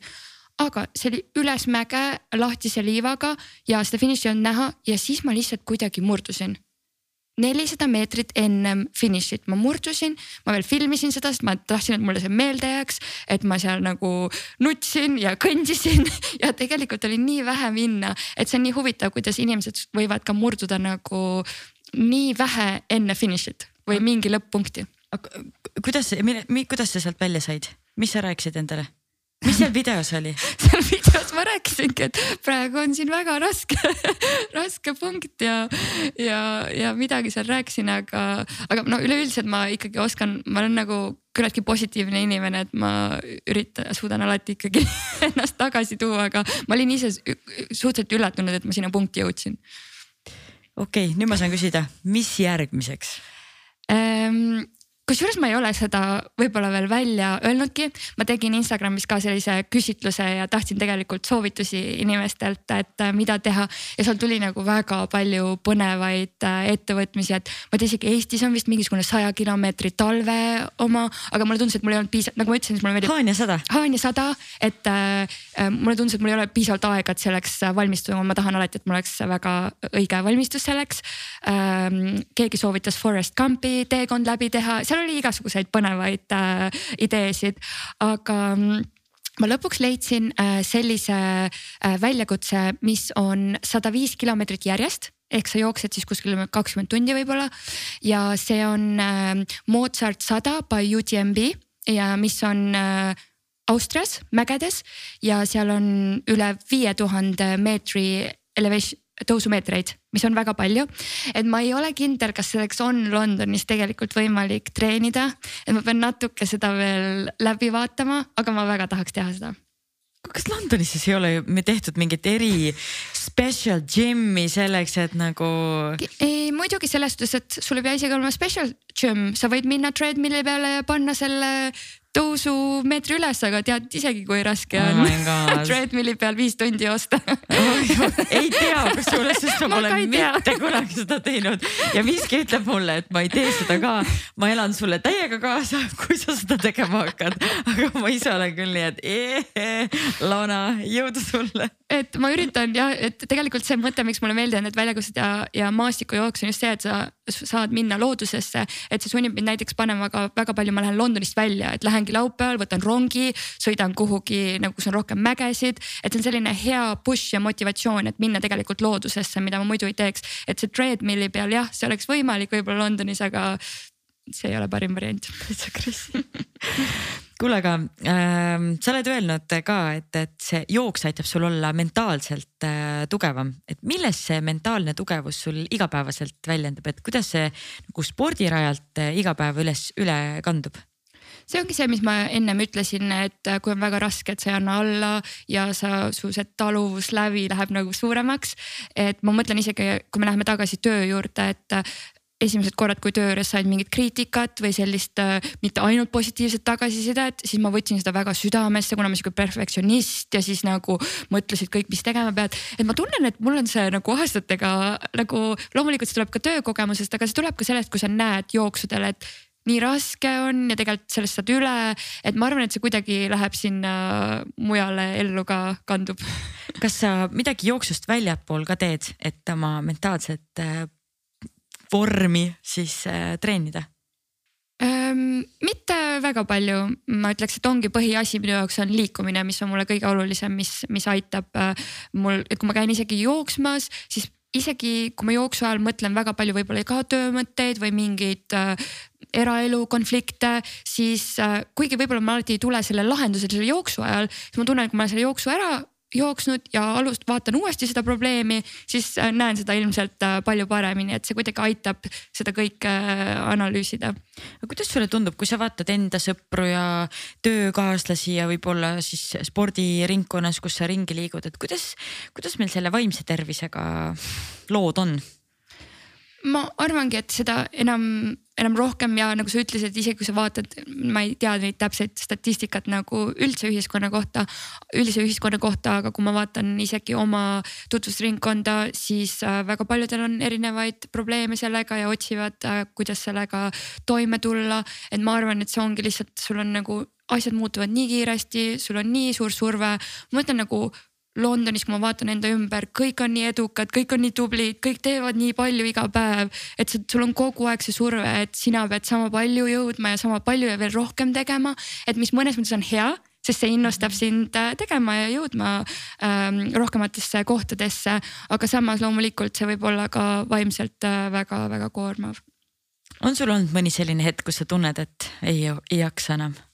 Eks neid äh, ikka tuleb, eriti jah, just äh, tööstressi mõttes tuleb ikka väga palju, aga nagu me rääkisime sellest, et tuleb aru saada, et kas sa lähed sinna sprinditrenni või ei lähe, et kuidas su keha tunneb. et ma arvan, et äh, tööalaselt sa peaks ka aru saama, et mis on need mis on need stressi asjad, mis sulle on okei okay ja et okei okay,, et sa tead, et see on korraks või läheb üle, aga mis on need asjad, mille mida sa vaatad, et võib-olla sa pead tegema siin mingi muutuse. et kuigi, et see muutus saab olema raskem, võib-olla tähendab seda, et sa saad vähem palka, et võib-olla sa pead minema kuhugi mujale tööle, et sa pead selle muutuse tegema, et sa pead kuidagi tunnetama ära, et, et äh, kui palju sa stressi sa võid võtta ja kui palju sa tegelikult mm -hmm. ei mhm. peaks mm. -hmm jah, sest et äh, mulle tundub, et vaimsest tervisest räägitakse aina rohkem ja vaimse tervise hoidmisest räägitakse rohkem ja inimesed ei ole enam kuidagi, see ei ole kuidagi tabuteema, et ah, mul on, mul on mentaalselt äh,, mentaalselt keeruline, et see on, see on, see on hästi tore, et muidugi jah, kui töötada sellises nagu high paced äh,, ma ei tea, mis see on, keskkonnas nagu yeah., nagu London, et seal on päris, päris keeruline võib see, see olla. kui sa vaatad üks asi on siis vaimne tervis, kui sa vaatad meie ühiskonna tervist, kas on mingid asjad, mis seal panevad natuke südant valutama? minu jaoks kõige sellisem südamelähedasem on ikkagi liikumine üleüldiselt. Äh, et loomulikult jällegi vaata, kui ma vaatan ainult oma sõpru või oma tutvusringkonda siis ma vaatan, et kõik on nii sportlikud, kõik on nii aktiivsed, et vau, et kas see ongi niimoodi aastatega muutunud. aga siis, kui sa vaatad statistikat, et kui paljud on ülekaalus ja kuidas nagu liikumine tegelikult üldisel ühiskonnal on, siis seda on ikkagi liiga vähe ja ülekaalusist või tervisemuresid on aina rohkem.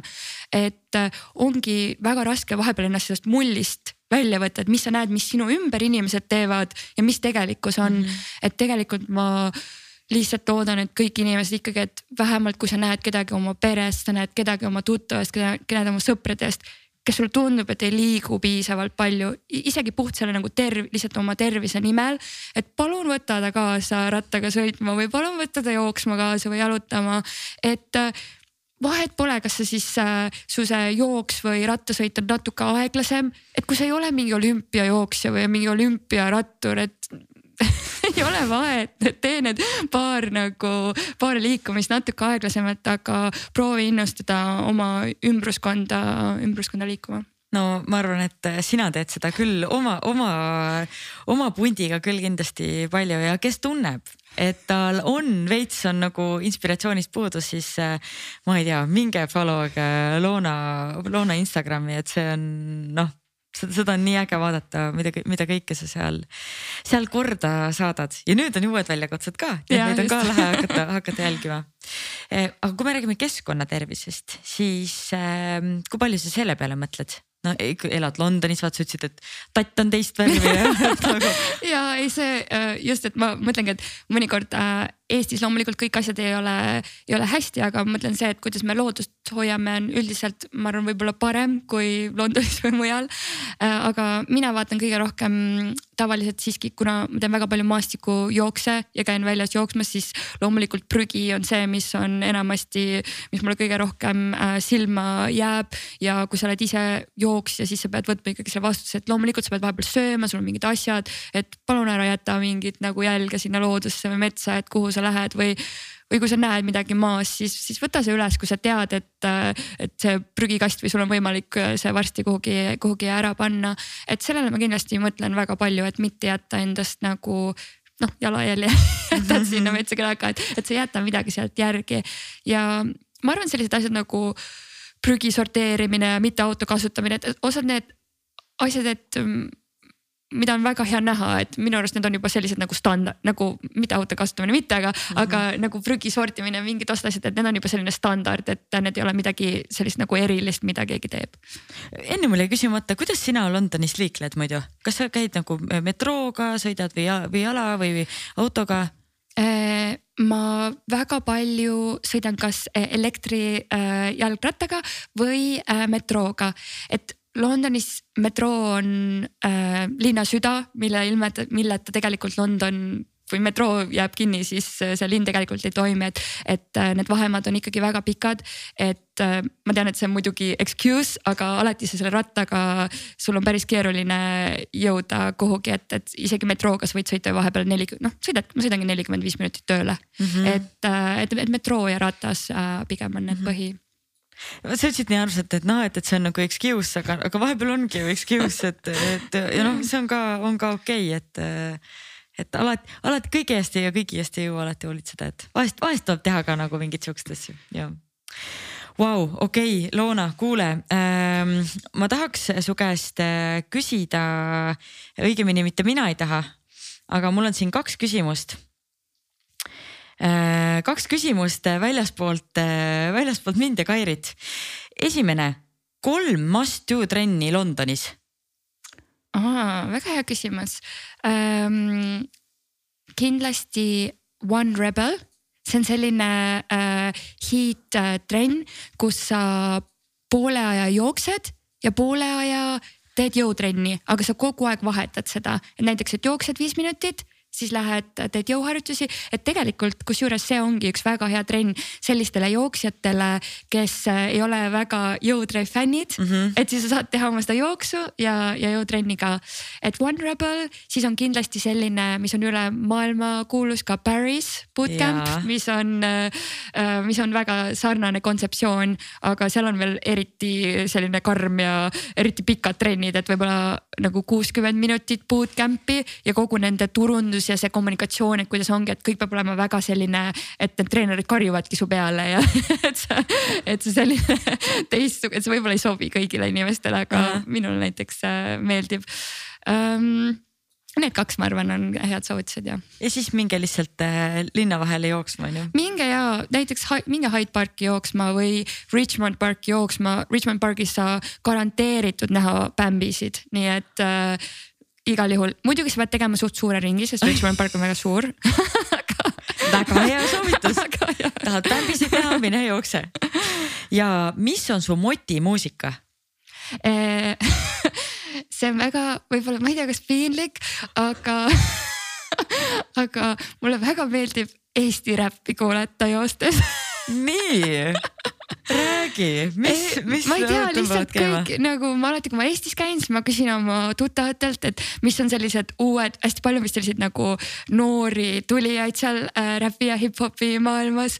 et ma alati küsin, mis need jälle kõige populaarsemad äh, lood ja artistid on ja siis mul on kuidagi hea sattunud nii, et äh,, et väga palju Eesti räppi ja ma ei, ma ei tea, miks väga huvitav, kas on mõni kindel lugu, mis tuleb nagu pähe, et davai, kui on raske hetk, siis selle ma panen peale? ei, sellist ei ole, aga mm, -hmm. aga üldiselt jah. väga lahe. kuule, Loona, äh, viimased soovitused siia, siia, siia otsa ehk siis äh, üks teos, mida iga inimene võiks tarbida, olgu see siis raamat, ma ei tea, näidend, näitus, film, seriaal, mis iganes raamatuid on küll väga palju, mida võiks soovitada, aga kuidagi on tulnud mul just oma tutvusringkonnas hetkel jutuks selline raamat nagu Never split the difference uh,. ma ei tea, seal on vist kaks autorit, ma ei mäleta nende nimesid, aga ühesõnaga see raamat uh, räägib uh, ja õpetab uh, oskusi läbirääkimisteks. ja kui sa alguses kuuled seda läbirääkimiseks ja mõtled, aga võib-olla mu töö ei ole selline, kus on vaja läbi rääkida või võib-olla ma ei tahagi kunagi palka suuremaks küsida. ei, sul on igal juhul vaja lugeda seda raamatut, sest elus on nagu nii palju hetki, kus on vaja asju läbi rääkida. Ja mina olin ehe näide nagu üldiselt sellest, kes on selline, et äh, palun ja võtke kõik mu raha ja, ja ma olen nagu nõus ükskõik millega. et loomulikult ma pidin seda juba nagu läbi töö väga palju muutma, et ma paremaks läbirääkijaks saada ja tegelikult koolis ka, ülikoolis olid sellised kursused, aga see raamat kuidagi oli selline väga hea värskendav ja ma tundsin, et seal on väga palju selliseid just praktilisi asju, mida sa saadki kohe hakata katsetama ja proovima, et seda ma väga soovitan kõigile. issand, ma just eile rääkisin oma elukaaslasele sellest raamatust, ütlesin, et mul ei ole seda praegu siin, see on mul maal maal Rõuges, et kui jõulude ajal lähme, siis ma annan selle raamatu sulle, et ma tõesti ka väga-väga soovitan. siis üks oskus, mille iga inimene võiks ära õppida ähm,. ma arvan, et kuulamine ja ma olen võtnud endale selle sellise võib-olla, ma ei tea, ma ei usu mingitesse uusaasta lubadustesse, aga ma olen mõelnud, mida nagu, kuidas ennast paremaks äh, muuta või, või mida teha. siis ma tunnen kindlasti, et äh, teiste inimeste kuulamine, et, et esiteks äh, loomulikult äh, töö juures, et äh, vältida selliseid äh, lahkurääkimisi või arusaamatusi ja üldsegi õppida palju rohkem teistelt inimestelt, teiste kuulamine, aga ka kindlasti väga palju sõpradega ja eraelus, et kõik tahavad ikka oma seda, oma jutt ju ära oodata, et millal see hetk tuleb, kui saaksime selle oma, oma juttu rääkida, aga et, et mina tahan ise seda kindlasti ähm, sellest paremaks saada ja ma arvan, et kõik inimesed võiks seda osata. see on väga hea soovitus mäletan kunagi Lauri Pillap ütles mulle, et sa võid ükskõik, kui sa oled mingi peol või mingisugusel äh, koosistumisel, et äh, sa võid oma lugu rääkida, aga sa tead, kõik istuvad ja ootavad, et see jääks vait, sest et neil on palju parem lugu, mida rääkida ja ise mõtled enda peale ka, siis on ise on ka niimoodi, et ee, tahaks enda oma, enda oma jagada. see kuulamise oskus on tõesti päris, päris keeruline, aga väga hea oskus, mida omada. siis üks hetk, mida iga inimene võiks kogeda eneseületamine kindlasti, et see tunne, et, et äh, ongi, ma muidugi räägin, et linna, igasuguse linnamaratonist seal finišist üle tulen või Ironmani, ma ei tea, seal on nii palju igasuguseid väljakutseid, et muidugi see füüsiline eneseületamine on selline väga võimas tunne äh,. aga ma arvan, et seda võib teha ükskõik mis alal, kas see mingi hobi, kas sa õpid mingi uue asja või tööl, et see tunne äh, on kindlasti midagi sellist, mida loodetavasti enamus inimesi mm -hmm tunneb oma elu jooksul. või, või eraelus või ja. isegi endaga, sest et me aeg-ajalt ju räägime ka endale mingisuguseid, ma ei tea, limiteerivaid jutte või et ah, ma pole piisav või ma ei saa hakkama, et isegi iseenda ületamine on, on sel-, sellises faasis on, on midagi, mida, mida tasub äh, proovida ja siis viimase soovitusena, ma ei tea, mis soovitus siit nüüd tuleb, aga üks spordiala, mida iga inimene võiks proovida. Ma ei saa öelda mitte midagi muud kui jooksmine. Äh, ma ei näe mitte mingisugust excuse'i, kui sul ei ole just tervisega, loomulikult, kui sul on vigastus või on terviseprobleem, miks sa ei peaks äh, käima jooksmas, see on kõige lihtsam spordiala, mida teha nii-öelda selles suhtes, et sul on vaja neid sporditosse ja sa oledki õues okei okay,, ma tean, tegelikult Eestis talvel on see päris raske ja. Äh, lihtsalt natuke keerulisem. lihtsalt natuke keerulisem, et sul peab olema neid äh, layer eid päris palju, aga see ei ole võimatu. et, äh, et minge jooksma, et ja palun, te ei peagi alustama kohe sellest, et nagu mina alustasin oma esimese Maraku treeningus, et jooksed iga jooksu nii kiiresti, kui suudad, et, et palun jooksegi kasvõi üliaeglaselt need, et sa saad lihtsalt õue, õue liikuma ja küll sul see harjumus siis tuleb ja, ja küll saad neid kiiremaid jookse ka teha väga head soovitused.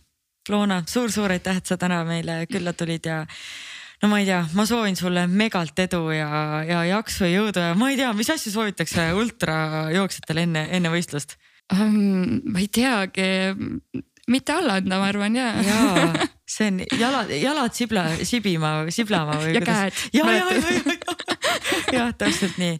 nii et aitäh sulle, et sa olid täna meiega ja kuulajad-vaatajad Teile samad tänud ja järgmise korrani. aitäh, Sandra tšau. Sportland, Be First podcast